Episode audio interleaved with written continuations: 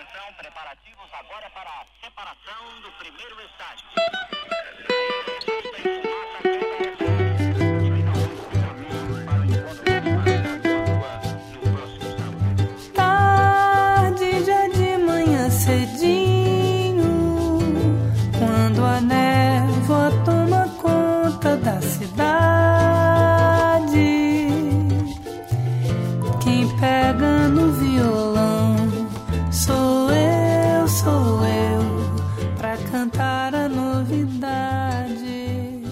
Og da snurret vi i vei en litt lekende bossa nova på portugisisk.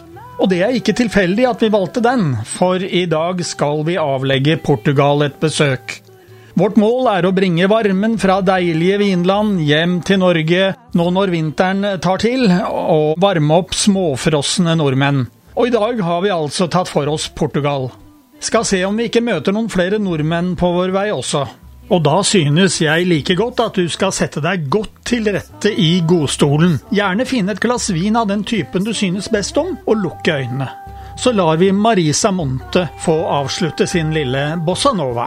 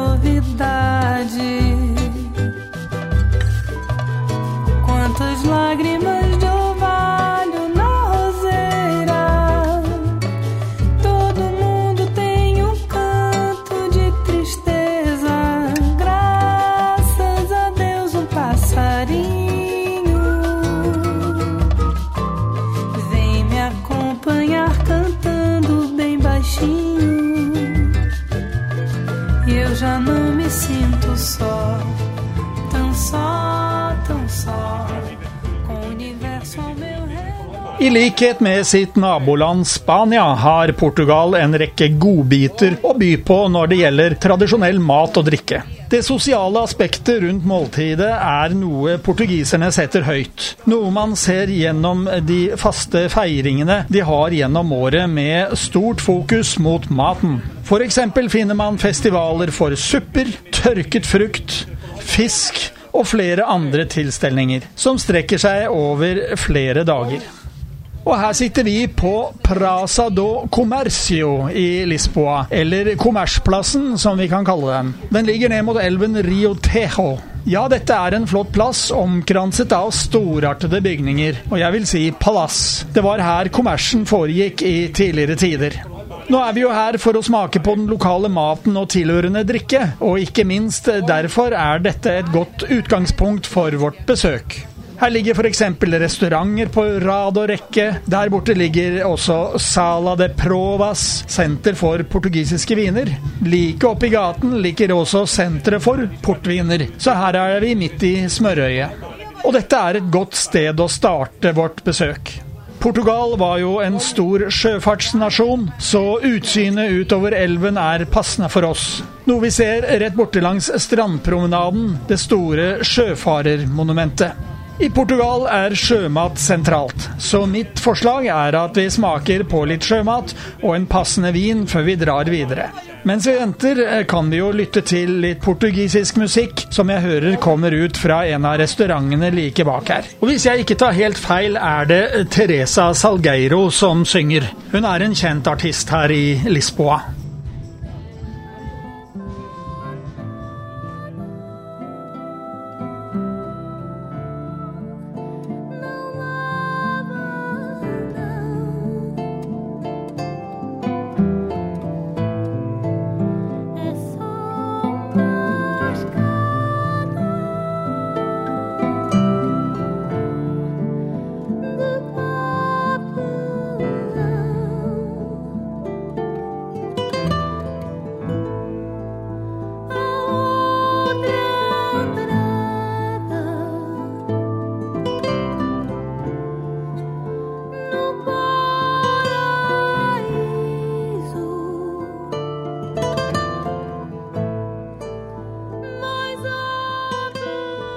Fado er spesielt. Ja, jeg vil kalle det et fenomen her i Portugal.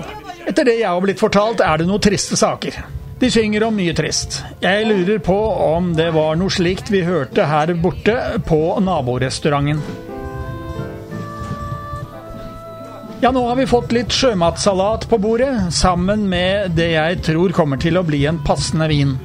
Det er litt reker, kreps, blåskjell sammen med litt tilbehør. Og det jeg tror blir da en passende vin til. Og det er en eh, Solar das Buscas Loreiro. Den kommer fra området Mino, som ligger i Nord-Portugal. Hjemme på Vinmonopolet koster den 140 kroner, som ikke er noen upris. Ja, ekspertene hjemme har til og med bedømt den til et meget godt kjøp. Den er laget på Loreiro-druen, som er eh, spesiell for Portugal. De kan det med å lage gode, friske hvitviner i Nord-Portugal.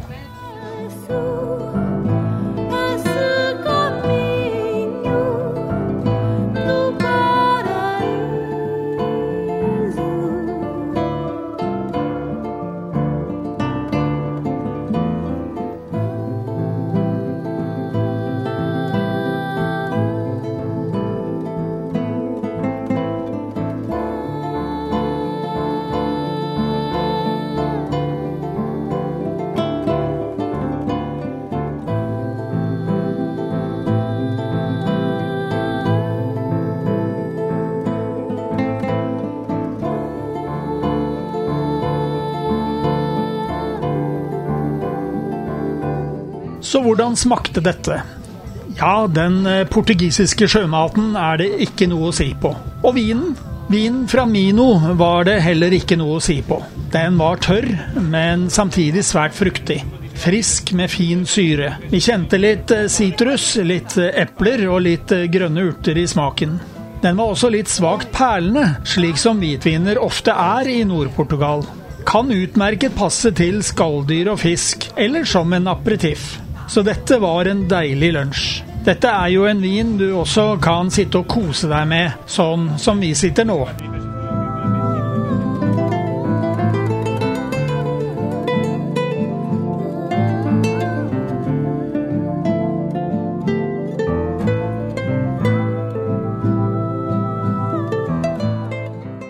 Nå er det mange flotte steder, ikke minst kulinariske, å besøke her i Lisboa. Men vi har jo planer om å se mer enn bare Lisboa i dette landet. Vårt første stopp blir en overnatting i den lille byen Torres Vedras. Ikke så veldig langt. Derfor setter vi oss inn i en leiebil og legger kursen nordover. Vi setter på litt musikk. Nok en gang synger Marisa Monte.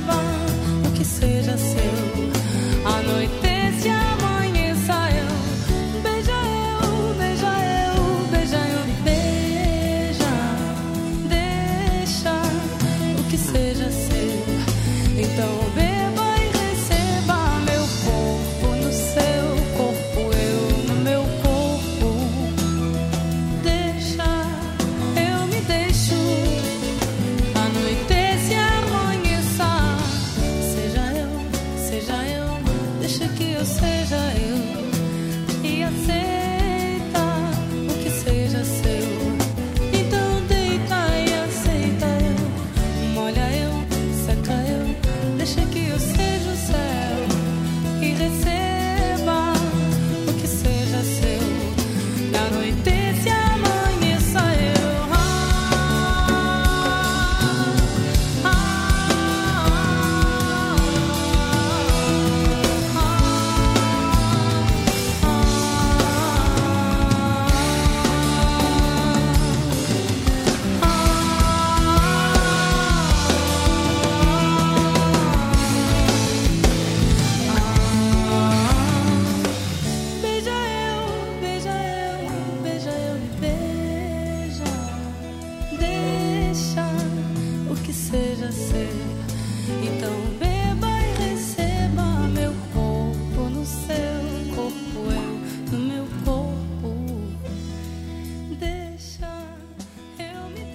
Nå har vi kommet oss til Torres Vedras. På veien tok vi en liten sving innom byen Sintra, som var den kongelige sommerbyen, der de kongelige i tidligere tider hadde sine sommerslott når de skulle ha en liten ferie på hytta. Bagasjen er nå plassert på vårt hotell, og det er ikke Stay-hotell, for det ligger ved den store taxiholdeplassen, og der ringer telefonen hele natten. Så for å heller få sove litt gjennom natten, så har vi valgt oss et lite hyggelig krypinn et stykke derfra. Men nå skal vi ut og spise middag. Jeg vet om en hyggelig restaurant rett borti gaten her. Der skal vi få Portugals nasjonalrett, bacalao. De sier at de har en type bacalao for hver dag gjennom hele året. Jeg vet ikke om det er riktig, men vi skal se hva de har i dag. Og Torres Vedras kan vi si mye om. Det er en eh, ganske så ordinær by, men for et par hundre år siden, under napoleonskrigene, så gikk eh, frontlinjen tvers igjennom dette området. Og Hvis vi snur oss litt nå og kikker oss omkring, så ser vi rundt om på toppene så er det små befestninger. Og der lå Wellington og hans menn og klarte faktisk å stoppe fremrykkingen fra Napoleons generaler. Og faktisk så klarte de å kaste de på sjøen.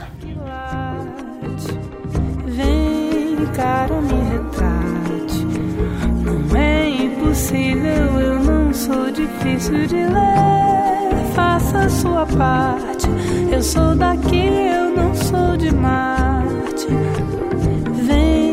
Cara, me repara. Não vê, tá na cara, sou porta-bandeira de mim.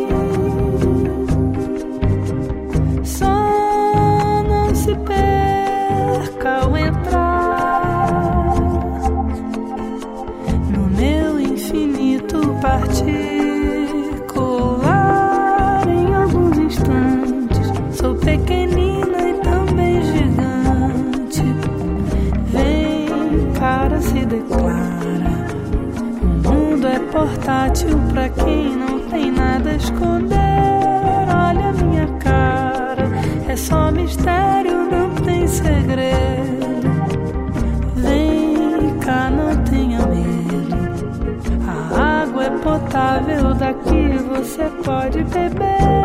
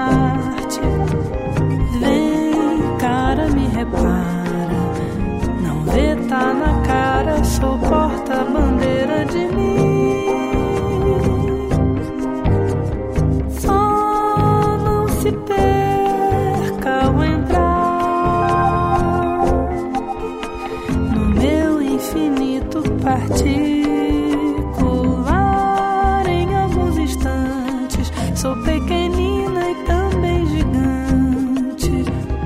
Vem, cara, se declara. O mundo é portátil pra quem não tem nada a esconder. Olha minha cara, é só mistério, não tem segredo.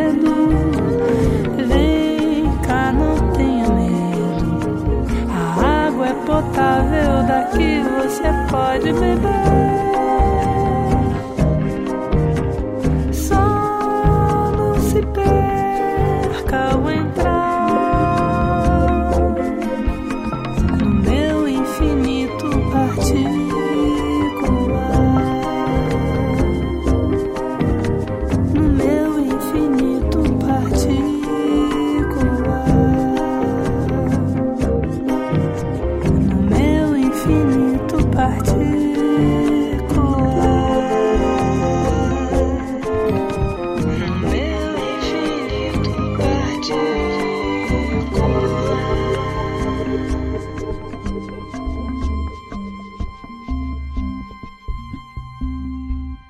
Her sitter vi, og selv om vi nordmenn stort sett bare kjenner bacalao når vi snakker om portugisisk mat, er det mye å velge mellom. Snakker vi først om klippfisk, finnes det foruten bacalao også bolinos, eller klippfiskboller. Vi har også picapau. Hva er nå det, tenker du? Det betyr rett over seg at hakkespett, men dette er verken fugl eller fisk. Picapau er hverdagsfestmat. En ypperlig ypperlig tapasrett med mye forskjellig kjøtt og grønnsaker. Men nå har vi altså fått servert bacalao. Jo da, jeg spurte hovmesteren, det var klippfisk fra Norge, og det lukter godt. Den vi har fått er tomatbasert, andre typer kan være hvite. Så skal vi teste ut viner som kan passe, og nå er jeg spent.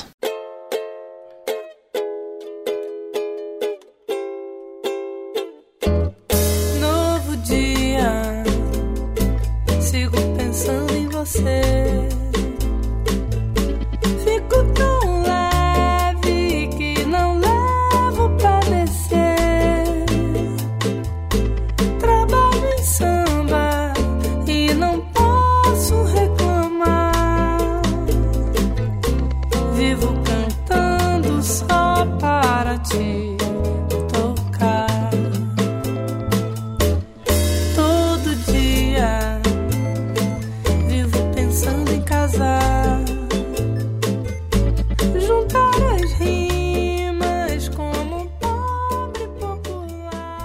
Mange tar rødvin som en selvfølge til bacalao, men hvitvin er faktisk et minst like godt valg.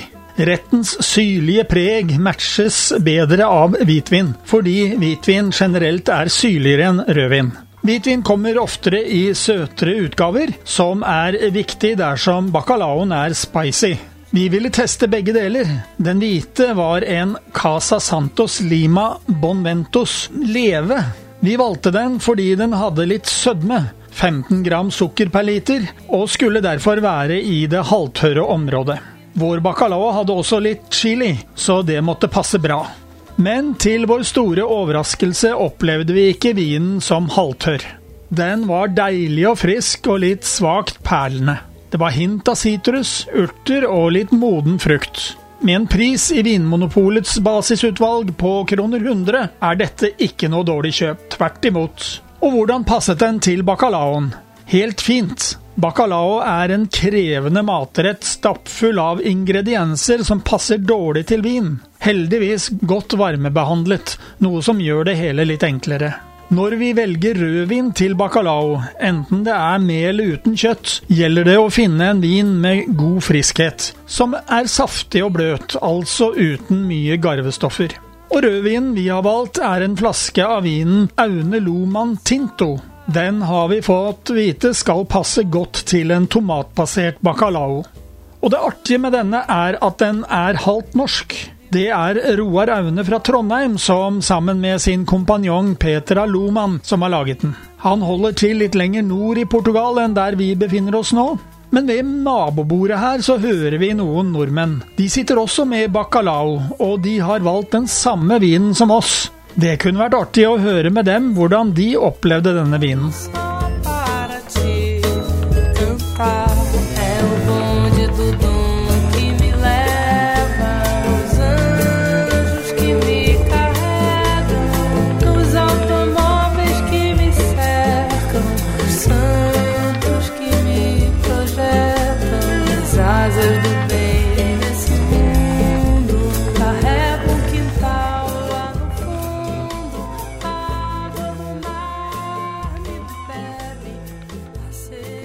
Så, har vi da en uh, vin her som uh, heter uh, Ja, den, den, røde heter den. Og den er jo ganske rød i fargen. Det er vel du enig i? Det er jeg helt enig i. Det er jo mørkerødt. Og det sier eh, han godeste Roar Aune at eh, det er fordi de lar eh, drueskallet og stilkene ligge i mosten ganske lenge, sammenlignet med andre produksjonsmåter. Og den røde som vi hadde her, det er jo da en blandingsvin. Det er ikke endruevin som de to andre. Det er en vin med fire forskjellige druer, og det er veldig nasjonale og lokale druer. Det er er Toria Nacional, det er Tintarodis, Tintaroris, det er eh, Alfro Heiro, og det er Han.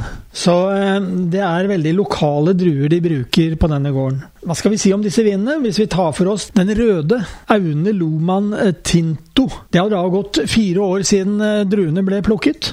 Den er anbefalt til lam, den er anbefalt til storfe og til storvilt. Så vi forventet jo at dette var kraftige viner. Og ja, nå har du smakt litt på dem. Var de kraftige? Ja. Det syns jeg. Det var veldig, veldig kraftig. Og så var det jo Det var jo veldig typisk at det var veldig klart mørke bær. Det var jo litt krydder, men eh, kraftig.